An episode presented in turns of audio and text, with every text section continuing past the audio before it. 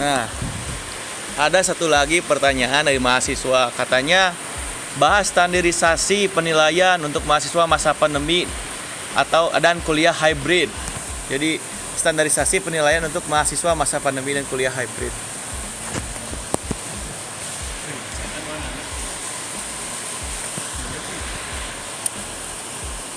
Nah terkait standarisasi ayat itu peraturan pemerintah nah.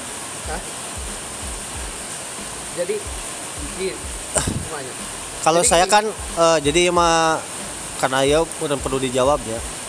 Ah sebenarnya kan tidak ada bedanya kalau misalnya karena mungkin teman-teman tidak mengalami kuliah offline ya.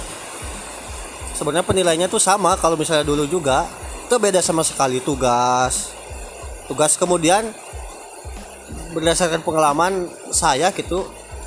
Jadi sesederhana ini penilaian nateh gitu.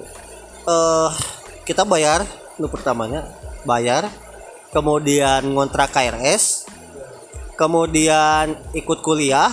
Nah tugas kalau bisa jangan ada terlewat itu kes pasti. Terus terakhir itu banyak bawel gitu.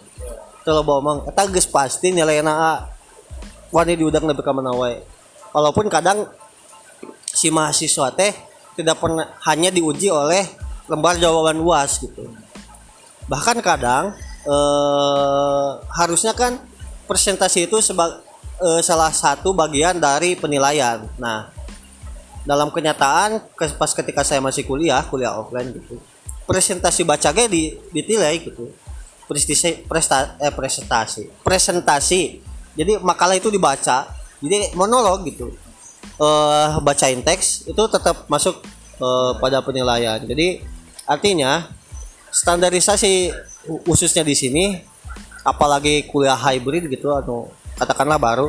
Jadi sesimpel teman-teman masuk kuliah off, mas- masuk kuliah gitu eh, ada di Zoom ataupun ada di Google Meet, kemudian tugas terkumpulkan, UTS terkumpulkan, ya nilai nilai nilai teman-teman aman.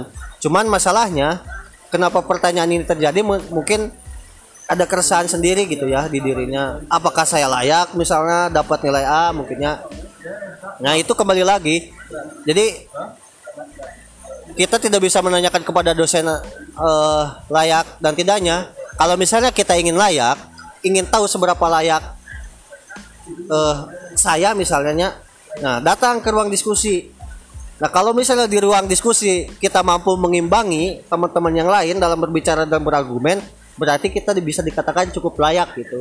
Nah ter- terkecuali ketika misalnya kita datang ke ruang diskusi, kemudian, ih ternyata selama ini kita tidak tahu apa-apa gitu. Saya tidak tahu apa-apa. Ya berarti PR-nya adalah kita harus secepat mungkin untuk membuka buku gitu, mengikuti banyak diskusi, eh, mengikuti banyak seminar yang ada di online, kemudian eh banyak mereview buku gitu. Jadi kita mereview materi-materi yang udah disampaikan, kemudian kita diskusikan dengan teman supaya kita, supaya apa? Supaya kita bisa dikatakan layak sebagai eh, mahasiswa. Nah, terkait standarisasi, jujur saya tidak tahu gitu. Misalnya ada peraturan mana terkait mahasiswa online itu bisa dikatakan lulus itu seperti apa gitu. Saya mah jujur tidak tahu. Kan sistem hybrid nanti kan karena diterapkan aja kita coba hybrid. Oke. Eh, menambahkan. Jadi begini, eh, ketika ini apa? eh, jangan dulu bahas standarisasi penilaian, tapi eh, tujuan pendidikan ketika COVID-19 itu berubah. Jadi ketika eh, awal pandemi pada Maret tahun 2020, Menteri Pendidikan kita Nadiem Makaroni itu eh apa sempat mengeluarkan surat edaran Menteri Pendidikan nomor 20 tahun 2020 kalau tidak salah isinya salah satu tujuan pendidikan itu diubah yang tadinya ada poin indikator dari kurikulum itu diubah disederhanakan menjadi supaya pendidikan itu terlaksana kurang lebihnya seperti itu. Nah, ini merupakan kekurangan daripada sistem pendidikan kita yang kurang adaptif sebelumnya. Karena apa? Terjadi suatu eh, perubahan nilai yang salah. Seharusnya jikalau apa terjadi perubahan kondisi dalam suatu masa itu bukan standar pendidikannya yang diubah kan standar pendidikannya direndahkan istilahnya karena pendidikan itu menjadi asalkan terlaksana seharusnya yang diubah itu adalah skema pendidikannya ataupun metode pendidikannya dan ini sangat terasa ketika terjadi disrupsi ketika uh, pada masa awal pandemi di mana pendidikan itu seharus apa yang sebelumnya itu uh, tatap muka dipindahkan menjadi uh, seluruhnya ke platform online itu terjadi disrupsi, terjadi kekagetan istilahnya di uh, lingkungan pendidikan kita. Karena uh, karena terbiasa oleh sistem pendidikan yang kolot itu menjadikan si pelajarnya itu tidak siap untuk menerima pendidikan secara online dan uh, si pengajarnya itu tidak siap untuk men menyelenggarakan atau menyediakan atau menyampaikan materi secara online. Dan untuk metode penilaian, jika memang uh, adaptasi metode pendidikannya itu bisa dilakukan secara maksimal, seharusnya uh, skema penilainya penilai apa? Ah, penilaiannya ataupun indikator yang digunakannya tidak berubah. Dan apa saya sempat pula uh, menanyakannya kepala uh, kepada kepala dinas pendidikan Kabupaten Ciamis.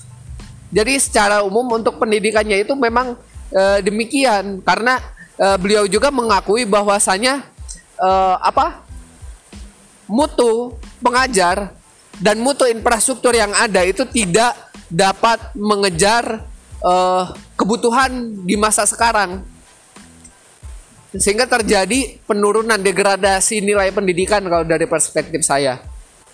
Dan untuk standarnya mungkin apa dikembalikan kepada pengajarnya.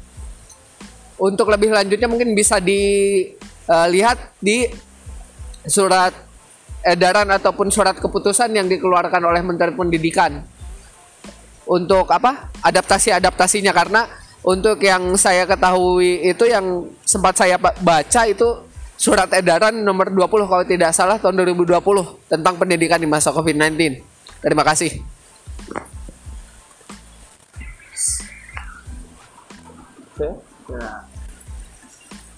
Untuk tadi ya pertanyaannya Alhamdulillah ya terjawab Untuk mahasiswa yang bertanya tadi uh, Untuk Bahwa jika Anda tidak ingin disudutkan dosen Dalam berbicara datang ke pojok. Biar bisa melawan argumen dosen. Bukan melawan sih. Nah untuk standarisasi uh, bisa ditanyakan kembali perihal eh uh, perihal standarisasi kepada dosen yang mengajar anda. Sebenarnya mahasiswa itu ya tidak jauh-jauh mau mau online mau offline tetap mahasiswa Irlandia Terima kasih. Cukup.